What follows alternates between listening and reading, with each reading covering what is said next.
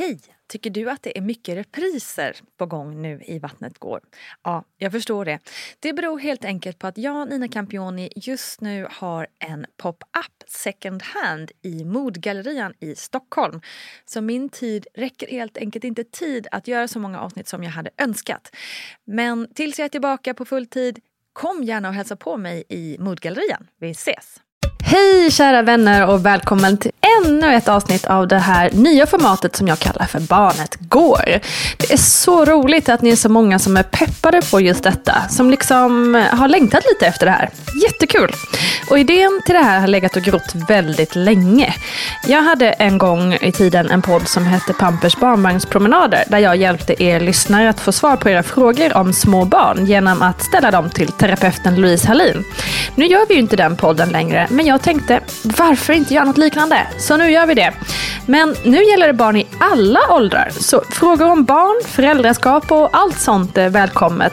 Ja, alltså från det att bebis föds till typ 18 år då, I guess. Kul va?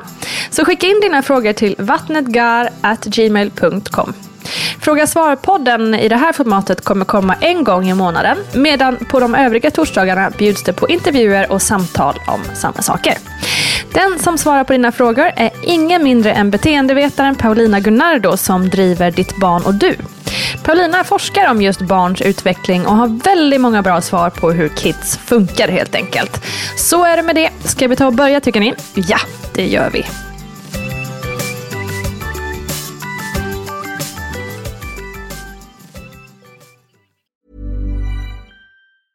Hey, it's Ryan Reynolds, and I'm here with Keith, co star of my upcoming film, If, only in theaters, May 17th. Do you want to tell people the big news?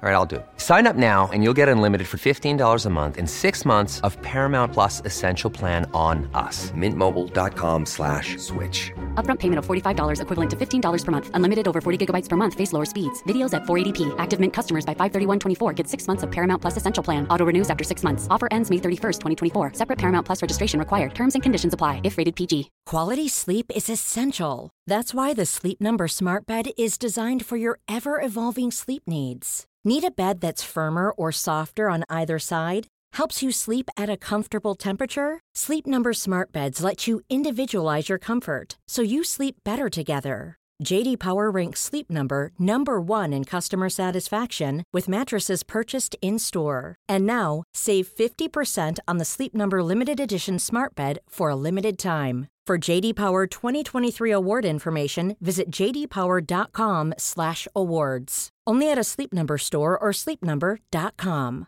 Hey Dave. Yeah, Randy. Since we founded Bombus, we've always said our socks, underwear, and t-shirts are super soft. Any new ideas? Maybe sublimely soft. Or disgustingly cozy? Wait, what? I got it. Bombus. Absurdly comfortable essentials for yourself And for those facing homelessness. because one purchased equals one donated. Wow, did we just write an ad?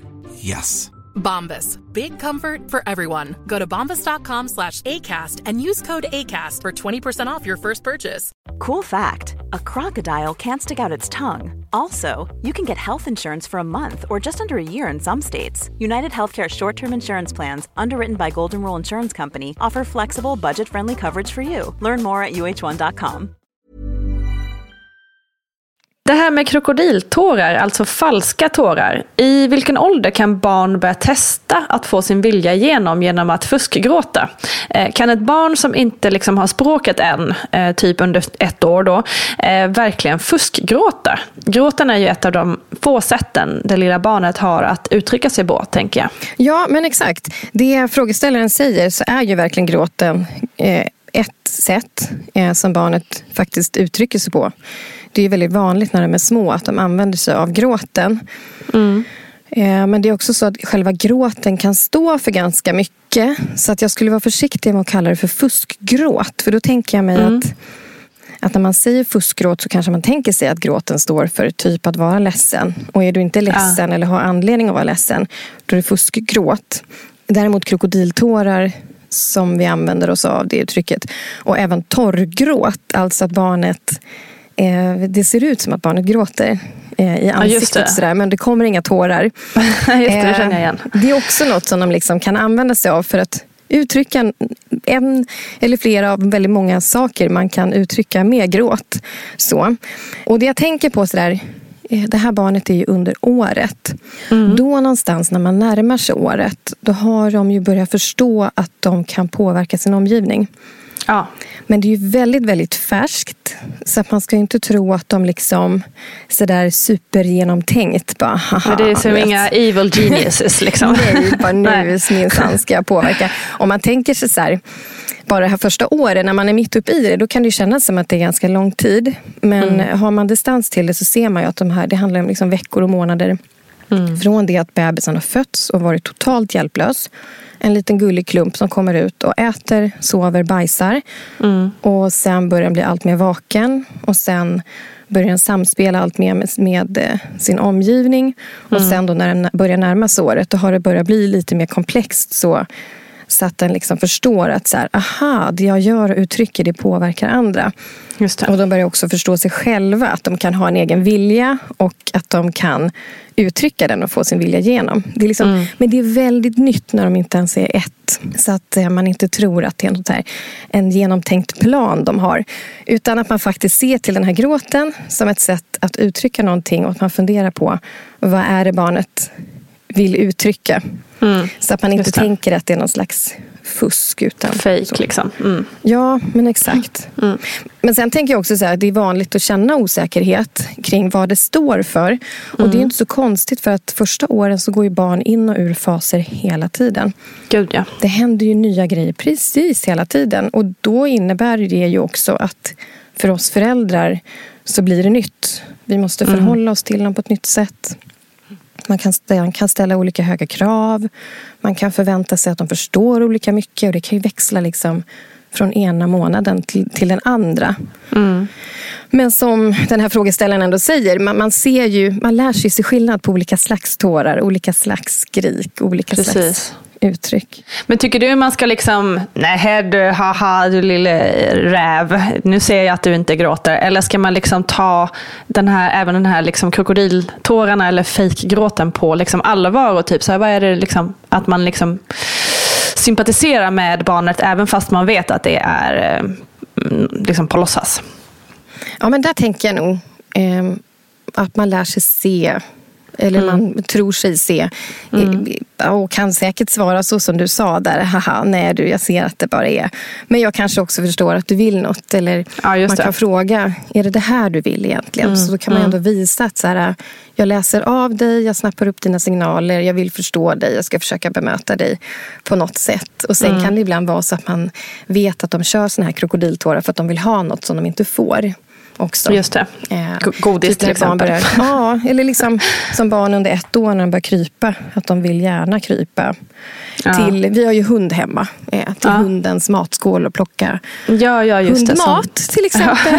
Mm, och hälla ut skål med vatten. Ja. Eh, vatten är kul.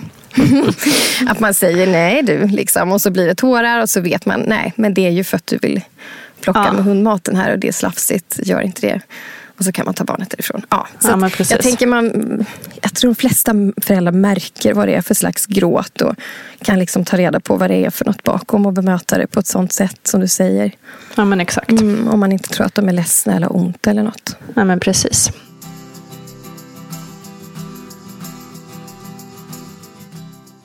Då går vi vidare. Mm. Barn som skäms mycket i sig själva när de har gjort någonting fel. Ska mm. man undvika att säga till dem för hårt eller för ofta då, tycker du? Mm. Alltså antagligen som reagerar hårt känns det som, eh, liksom, om man läser mellan ja. raderna. Det märks att den här föräldern liksom faktiskt reflekterar över. Mm. Um, är jag för hård?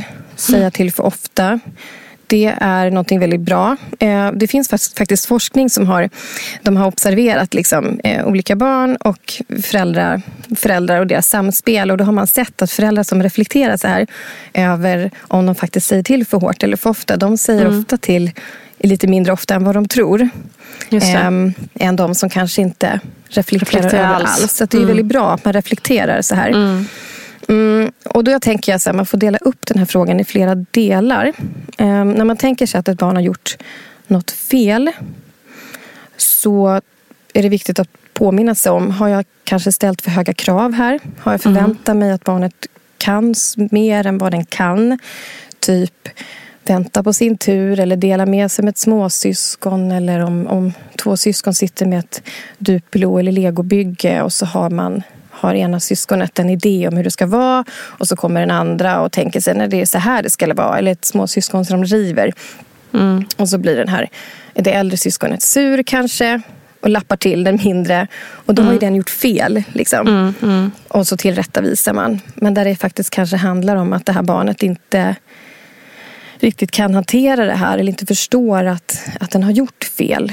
Och det är då barnen kan liksom ta åt sig på det här sättet som frågeställaren beskriver. Att de faktiskt kanske visar att de skäms, att det blir lite mm. skuld och lite skam.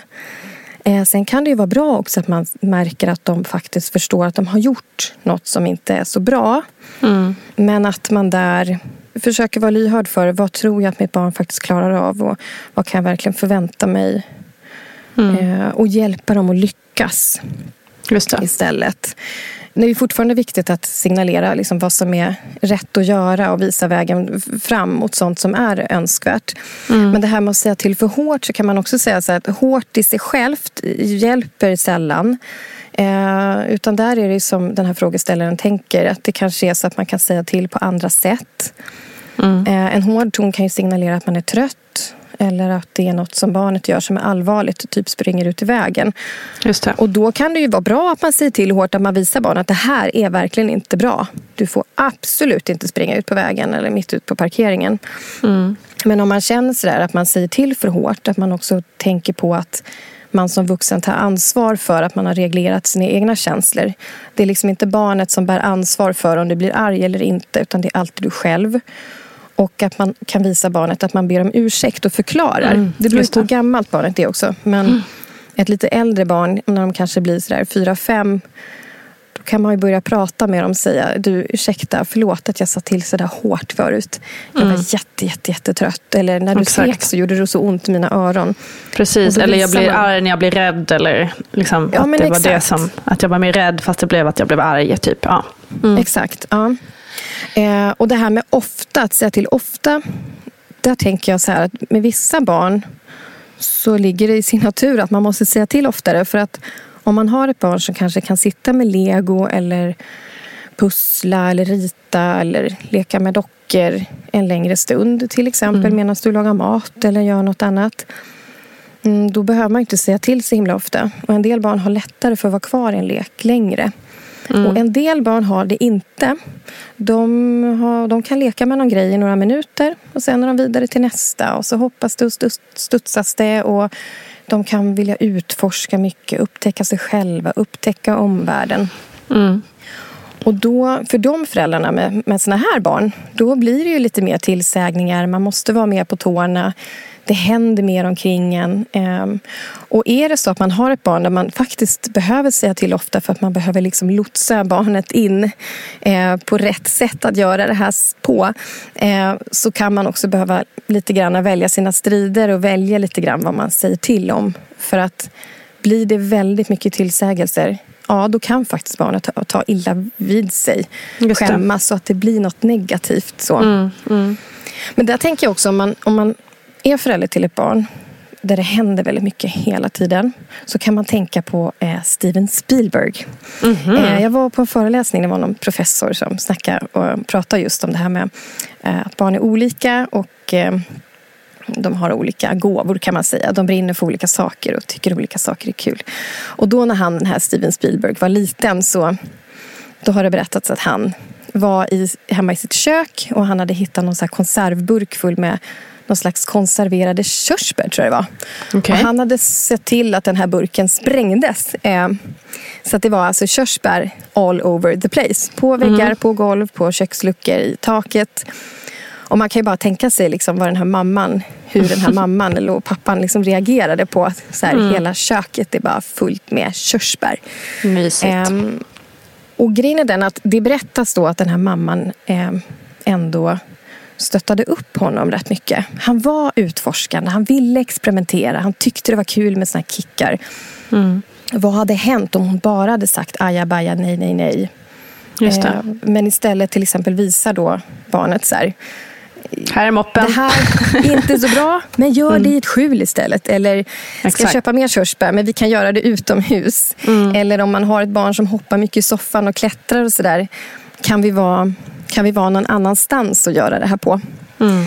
Um, så att man också visar barnet liksom vägen framåt om man märker att det blir mycket tillsägelser.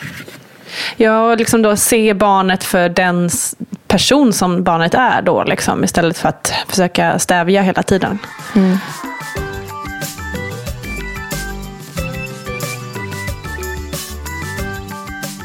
Jag tänkte också lite följdfråga där på, eh, på det här barnet som skäms mycket i sig själva. Liksom, när man märker att ett barn skäms för att de antagligen vet att de har gjort något fel. Räcker det då eller behöver man som vuxen också så markera? Eller kan man bara Nej, men nu ser jag att hon skäms. Vi behöver inte prata mer om det här då. Liksom. Ja, men så tror jag absolut att det kan vara ibland. Mm. Att barnet vet. Någonstans har man väl ändå signalerat. Eller så har syskonet, eh, om det är tjafs i en syskonrelation till exempel. Mm. Uh, så kan ju syskon själv ha signalerat. Um, så. så. absolut, att man inte behöver gå på ännu mer. Och ibland kan man nästan prata sönder en situation också. Ja, men exakt. Och då är barnet heller inte mottagligt för det. Nej. Vi har fått en fråga till som lite nuddar vid det här ämnet, så jag tänker att vi tar den samtidigt. Eh, då är frågan så här. Hej, vi har en treåring som vägrar säga förlåt. Han vet att han gjort fel när han till exempel slagit stora syster i huvudet med en leksak, men när vi försöker få honom att säga förlåt så svarar han nej och går iväg. Det mm. känns väldigt frustrerande. Vad ska vi göra? Dels tänker jag så här, hur mycket förstår en treåring av, av det här? Mm. Um, perspektivtagandet att eh, det här småsyskonet kan tänka eller känna någonting mm. som den här lite större då inte tänker och känner. Det, det börjar utvecklas någon gång då. Så okay. att förlåtet är ganska, egentligen ur vårt perspektiv, vuxet, vuxna perspektiv, det är liksom ganska komplext. Mm. Ehm, så att de behöver ju först ha fått med sig perspektivtagandet och inlevelseförmågan. Och märker man då att ett barn blir så här, nej, tänker inte säga förlåt. Då kan det vara för att den faktiskt inte riktigt förstår. Mm. Och då tänker jag så här att ibland kan det vara så att man kanske inte måste kräva att den ska säga förlåt. Utan snarare gå till, till det här, den här treåringen och kanske vid ett annat tillfälle prata om känslor, berätta, sätta ord på känslor. Mm. Um, hur känns det när det här händer? Hur känns det för kompisen nu? Mm. Genom att man liksom pratar om andras perspektiv så stimulerar man faktiskt den utvecklingen. Vilket gör också att de sen kan börja greppa det här med förlåt. Det. det. kan ju också vara så här när det är med syskon. Um, att i syskonrelationer så, så är det så lätt att föräldrar går in och tillrättavisar och så har man kanske inte sett allting heller. Just det. Och den här treåringen kan ju själv gå med känslan av att den har blivit missförstådd eller att mm. syskonet har gjort något dåligt. De här tjuvnypen som man inte ser. Ja men exakt. Antingen mm. det eller liksom om de till exempel sitter och bygger något så här äh, Duplo-bygge till exempel. Så mm. kan det ju vara så att treåringen tycker att den har byggt ett jättefint torn. Och så kommer småsyskonet och bara river det. Mm. Och så lappar treåringen till mm, småsyskonet. Mm. Då bär ju säkert treåringen också på en känsla av att jag har blivit illa behandlad. Just det. Eh, också. Och kanske mm. tycker, nej hörru du, jag ska minsann inte alls säga förlåt. Nej. Och där kan det också vara bra. Eh, jag vet inte hur de här situationerna brukar se ut med den här treåringen. Men att man eh, har med sig det. Att mm. Ehm, försöka få med sig hela bilden. Har man sett hela bilden? Vad har hänt innan som gjorde att barnet ville säga ifrån? Eller var mm. det totalt oprovocerat? Mm. Oftast är det ju inte det. Så att man också bekräftar treåringen i det. Just det. Vad som var orsaken. Liksom. Just det. Mm. Ja, men jättebra. Så kanske själva ordet förlåt betyder inte så mycket för en treåring kanske. Men, mm. Så att man kanske ska ta det lite lugnt med just mm. den saken då. Precis, och ett tips då, förutom att man, man kan prata om olika känslor och andras perspektiv så kan man också eh, visa hur man gör förlåt som förälder. Att man är en förebild. För att det just finns det. något som heter social inlärningsteori. Och mm. det handlar just om att barn inte bara lär sig av det man säger utan att vad man gör. Och att mm. de ser att andra gör. Just det. Och att man då som förälder visar till exempel att man tröstar småsyskonet eller eh, visar hur man gör istället, hur man kompromissar. Mm. Och kanske får bygga på varsin sida av den här duploplattan eller något så. Mm. Eh, och sen ytterligare ett tips faktiskt. Det, är, det finns en bok som heter Säg förlåt av en förskollärare och författare som heter Linda Palm. Den tycker jag är jätte, jättebra och den passar i den här åldern. Så den bra. är ett tips att läsa. Mm. Perfekt tips.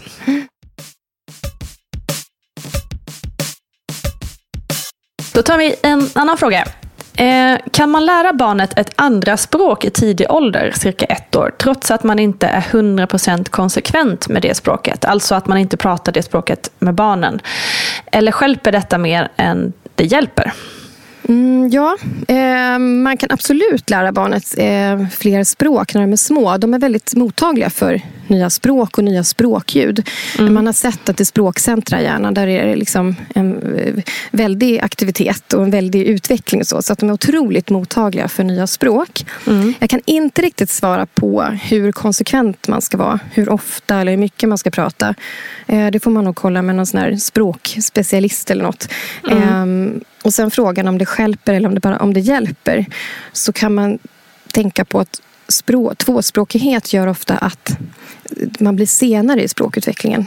Just det. Eh, Just för att barnet ska lära sig ett till språk. Eh, Så det, det liksom ligger i sakens natur att det där kommer igång lite senare. Eh, vilket ju kan påverka i kompisrelationer och sådär. Men på sikt är det ju förstås guld värt att ha flera språk. Eh, Eller hur? Så. Jag kan ju svara för egen erfarenhet. Vi har ju tre språk i vår familj. Eh, Svenska, italienska och engelska. Och vi, har, vi fick rådet att just vara väldigt konsekventa. Så att liksom pappa, italienarpappa pratar bara italienska med barnen. Eh, jag pratar bara svenska med barnen. Och sen, när vi, eh, sen så har vi engelskan gemensamt. För jag och min man pratar engelska med varandra. Eh, och det har gjort att, eh, men för Essie som nu är sex, hon pratar alla tre språken väldigt bra. Eh, flytande italienska och svenska. Eh, fattar engelskan 100% och, och har börjat prata mer och mer och mer engelska själv. Och, eh, men hon var absolut inte senare än någon, någon av sina förskolekompisar i språket. Eh, däremot Rocco nu som är tre, han märker vi är lite senare med, eh, med, med språkutvecklingen. Men vi har, gjort, vi har gjort precis på samma sätt, så det är också intressant hur individuellt det är. Eh, sen har han kanske inte varit i Italien precis lika mycket som Essie har varit, så hon fick ju italienskan väldigt mycket genom att vara i Italien mycket när hon var eh, väldigt liten. Eh, men det har funkat hur bra som helst för vår, för vår familj. Eh, men då har vi varit väldigt konsekventa ska jag säga, med språket. Mm. Intressant. Ja. Så lycka till, säger jag med språket. Det är spännande. Det är kul att se hur, hur snabbt de lär sig.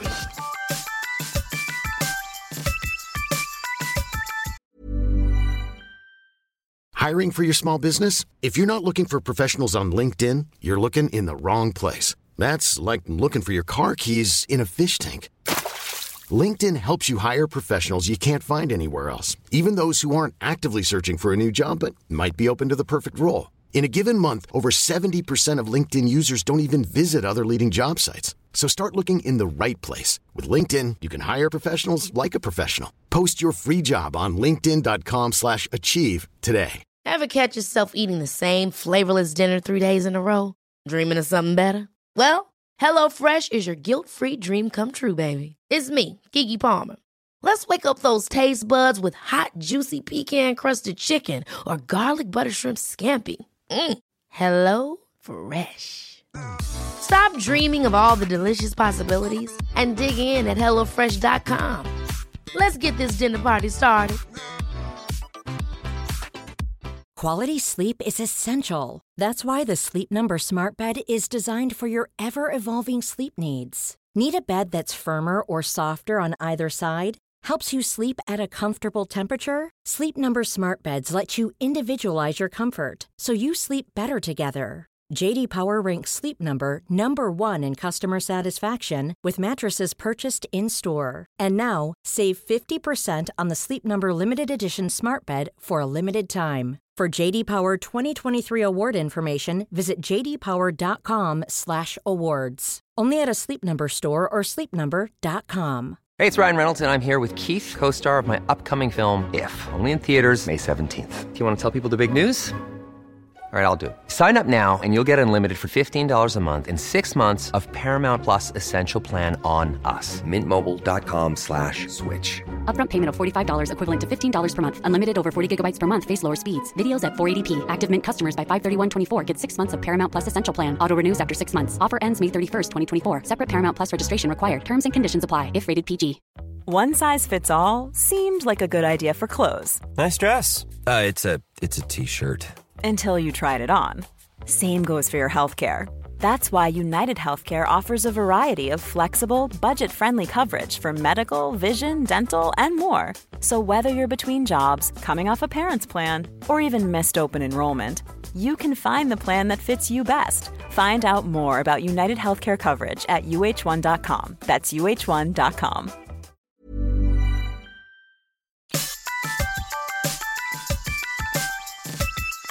Eh, vi tar nästa fråga. Hur kan man bäst hjälpa sitt barn som är väldigt blygt och osäker på sin egen förmåga? Barnet är mellan fyra och fem år. Mm.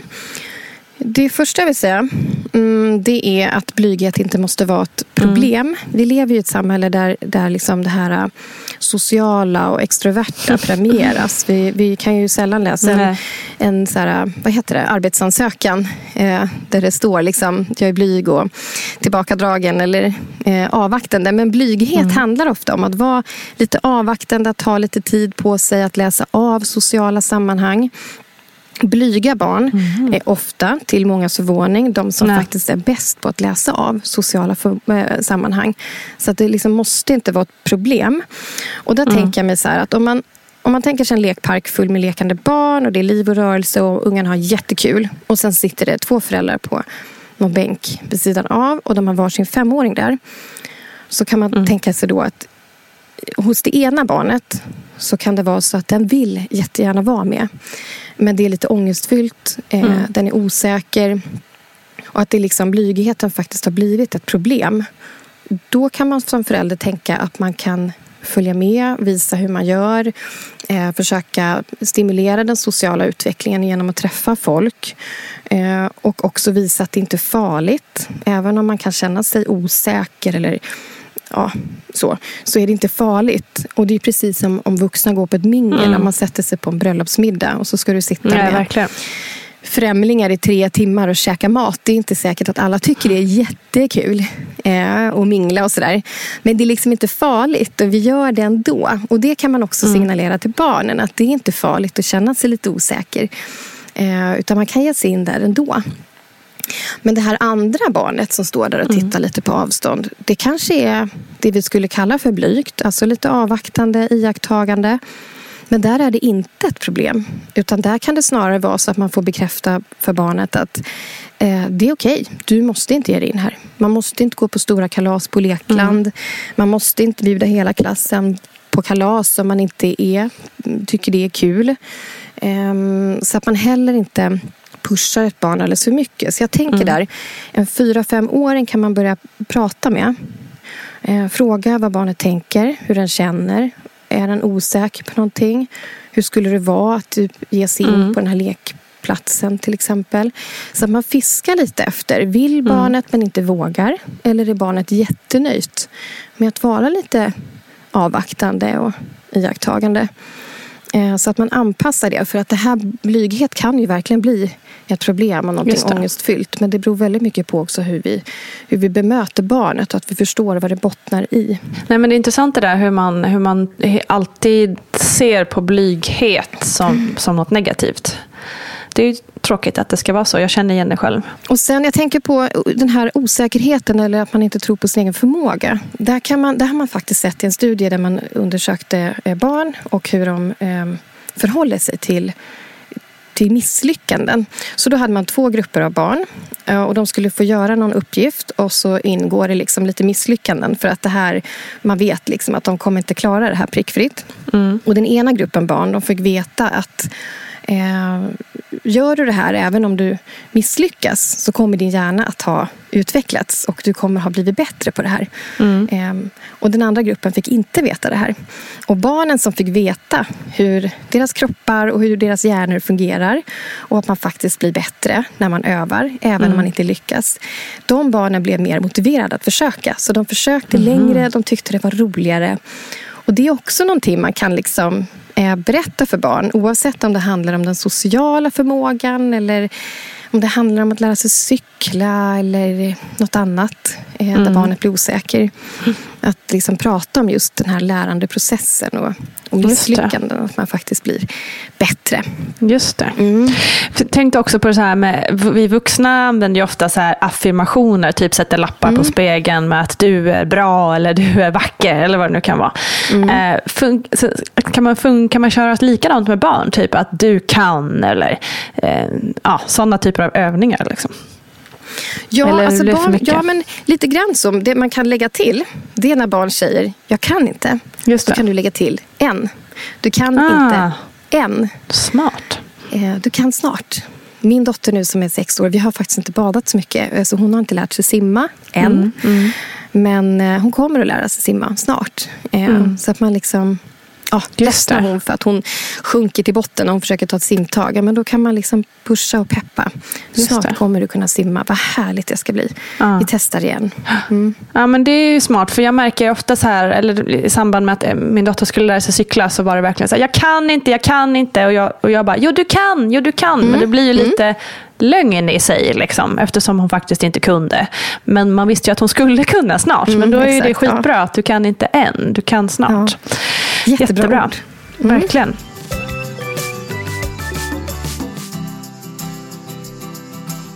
Eh, vi tar en till. Då ska vi se. Hej! Jag undrar när och hur tidigt man börjar disciplinera snedstrecka fostra barn. Har en dotter på tio månader som av och till är väldigt högljudd, gapig, skriker som man får ont i öronen av ingen anledning. Vi säger nej med bestämd röst men inget hjälper. Har testat att distrahera, hyscha och viska för att försöka bryta mönstret. Vad kan man göra? Är hon liksom för liten och förstår inte? Eller hur ska man tackla det här? Eh, Mvh Emma med skavsår i öronen. Ja. Jag känner igen. Eh, Jag använder mig nog av uttrycket att det skar i huvudet. Ja. Eh, Jag hade också en liten tjej som, som var ganska gapig och skrikig. Framförallt första året. Eh, eh, det- De ju in i faser där de testar sin röst. Och då kan det verka som att de inte har någon anledning. Utan de bara de skriker bara. Så att det faktiskt skär i huvudet. Eller man Ja. får skavsår i öronen. Men Ja. det är för att de måste testa sin röst. Ehm, Det här barnet närmar sig året. Ja. Och då kan jag säga, ja hon är för liten för att förstå. Om du säger nej och hyschar och sådär. Hon är för liten för att förstå eh, på det sättet. Om man ska tänka liksom, att man ska fostra henne och vara tyst och så. Ehm, förutom det här att barn testar sin röst så tänker jag att det, det finns alltid en anledning till att ett barn skriker eller är gapigt eller så. Det verkar inte vara någon så här hörselproblem tänker jag i och med att det inte alltid är så här utan det är av och till tror jag hon sa va? Det skriver hon faktiskt inte exakt hur mycket det är, men det låter som att det är mycket. Ja. Men det kan ju vara att barnet skriker av frustration för att den inte blir förstådd. Eh, Det är något den behöver. En del barn de, de blir lättare frustrerade. De är svårare att trösta.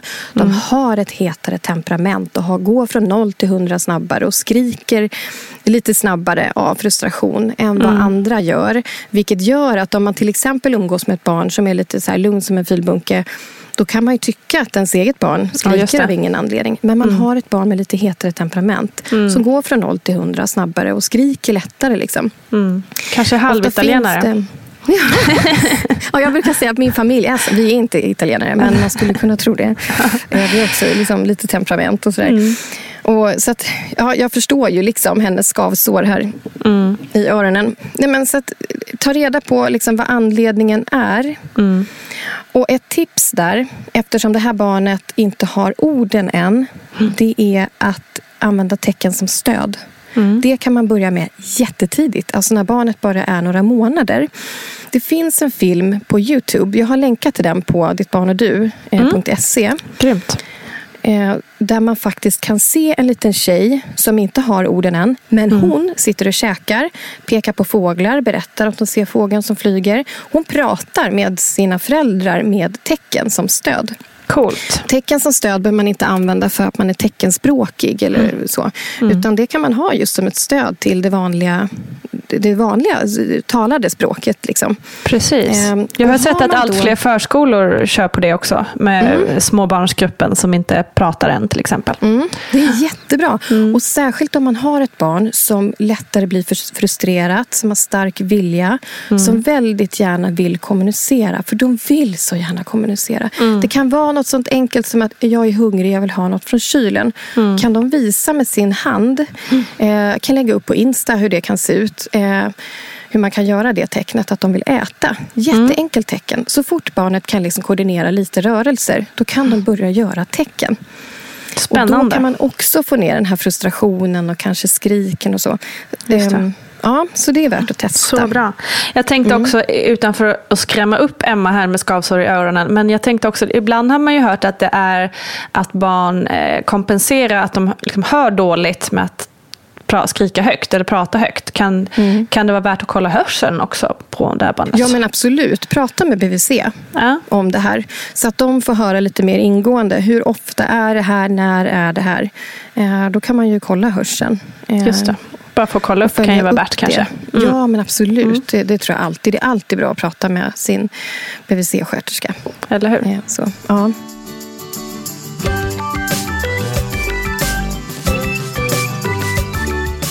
Då tar vi sista frågan här. Eh, vi har en bebis som är åtta månader och har hittills inte sovit bra en enda natt. Alltså vi snackar uppvak cirka fem till sex gånger per timma. Det skapar ångest och depression hos oss föräldrar och vi vill helst inte testa fem minuters metoden men vi har ju hört att den funkar väldigt bra för många som har försökt. Vad tycker du om den här metoden som är ganska omdiskuterad får vi väl säga. Mm. Till att börja med, eh, jag fattar att det är svinjobbigt att behöva vakna fem, sex gånger i timmen. Eh, Mm. Jag kan relatera. Ja, jag med. Vi, vi, vi har drygt sex år av dålig sömn här. Och jag Ja. eh, har också haft små barn som har vaknat så här ofta. Och man kan faktiskt använda många uppvak och sömnbrist som tortyr. Ja, Och det är verkligen. lite av tortyr. Och då är det Verkligen. fullt förståeligt att man faktiskt inte... Alla mår inte jättebra första Nej. tiden med barn. Det, Nej. det är faktiskt så. Och där är sömnen liksom en, en vanlig orsak till att man kan tycka att det är väldigt tufft även dagtid. Liksom, Mm. För att man Gud, går, ja. är så trött. Och där vill jag också inledningsvis säga, är det så att det skapar ångest och depression då är det jätteviktigt att komma iväg och få hjälp om de inte redan har fått det. Då måste man prata med en psykolog. Ibland använder man ju ångest och depression som ord för att beskriva nedstämdhet.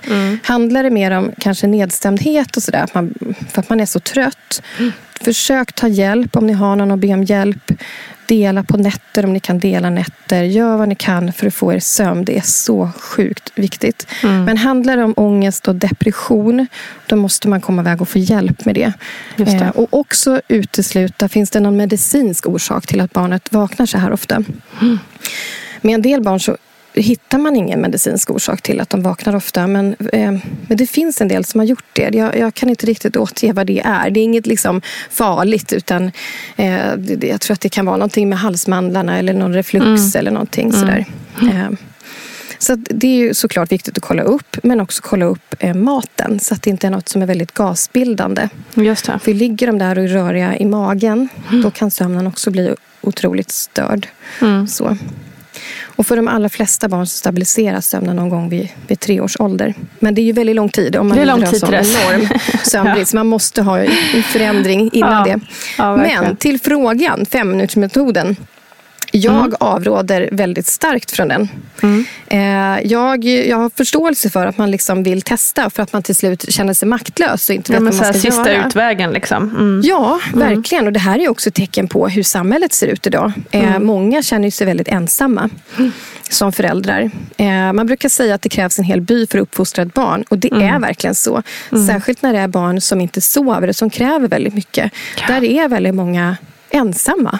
Mm. Och det, jag tror inte det kan vara tänkt att vi ska vara så ensamma och rodda sån enorm sömnbrist och sen klara dagen och kanske klara syskon och Nej, någon ska gå till Det är jobbet. vidrigt alltså, Det är alltså. inte rimligt liksom, att man ska stå ensam i det. Och där tänker jag att vår individualistiska kultur faktiskt är ganska osund. Det Mm. visar sig liksom när det kommer till såna här saker att vi behöver varandra, att man verkligen behöver få hjälp eh, och stöd under den här tiden. Så.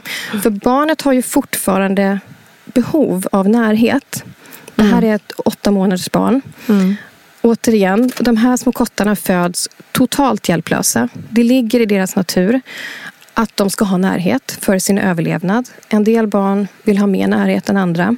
Mm. En del vill inte liksom att man släpper dem överhuvudtaget. Ehm, utan, och, så. och sen om de vaknar på nätterna och det är mörkt och de är ensamma. Det ligger i sin natur att de ska ropa efter någon. Mm. Eh, så. Så att, och det, det behovet är på riktigt. Och det är så otroligt viktigt att möta barnet i det. Ehm, om man tittar på hur hjärnan utvecklas.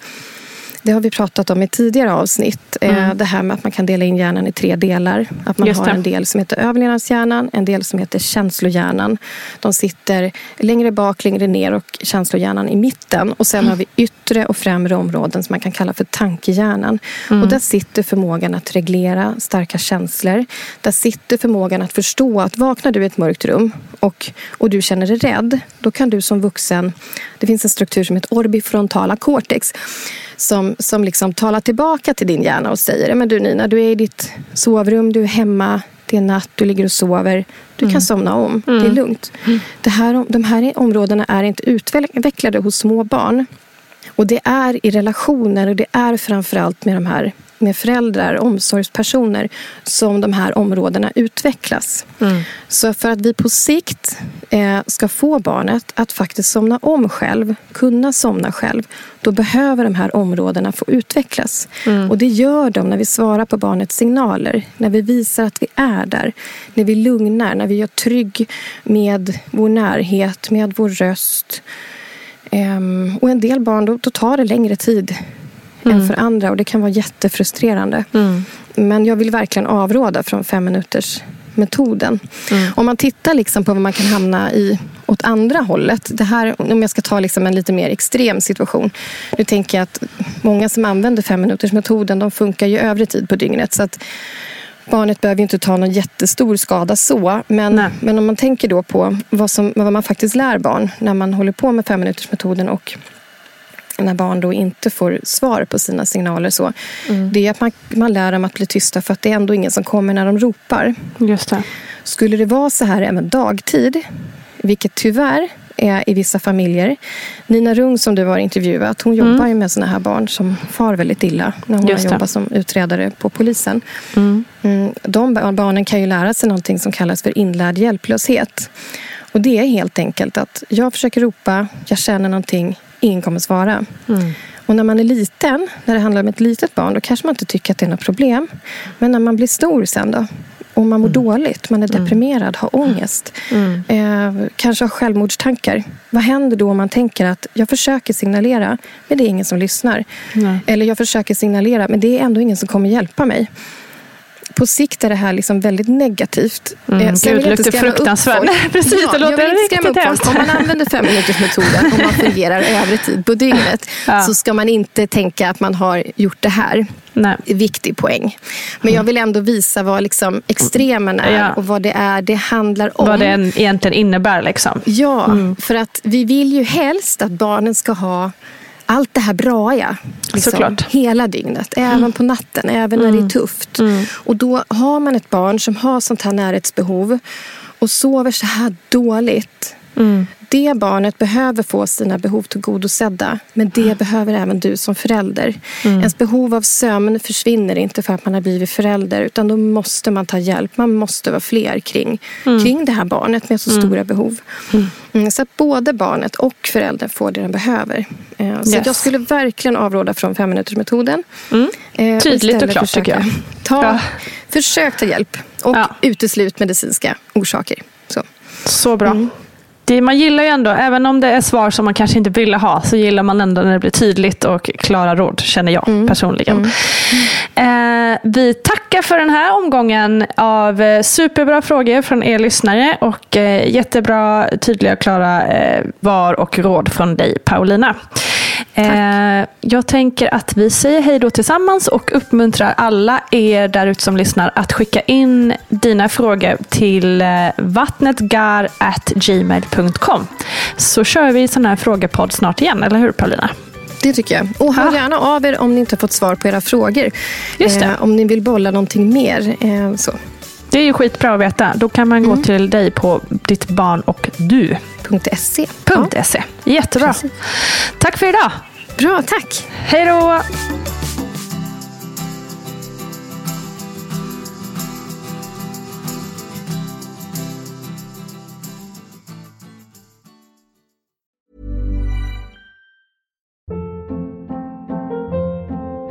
Hold up. What was that? Boring. No flavor. That was as bad as those leftovers you ate all week. Kiki Palmer here, and it's time to say hello to something fresh and guilt-free. Hello Fresh. Jazz up dinner with pecan-crusted chicken or garlic butter shrimp scampi. Now that's music to my mouth. Hello Fresh. Let's get this dinner party started. Discover all the delicious possibilities at hellofresh.com. Even when we're on a budget, we still deserve nice things.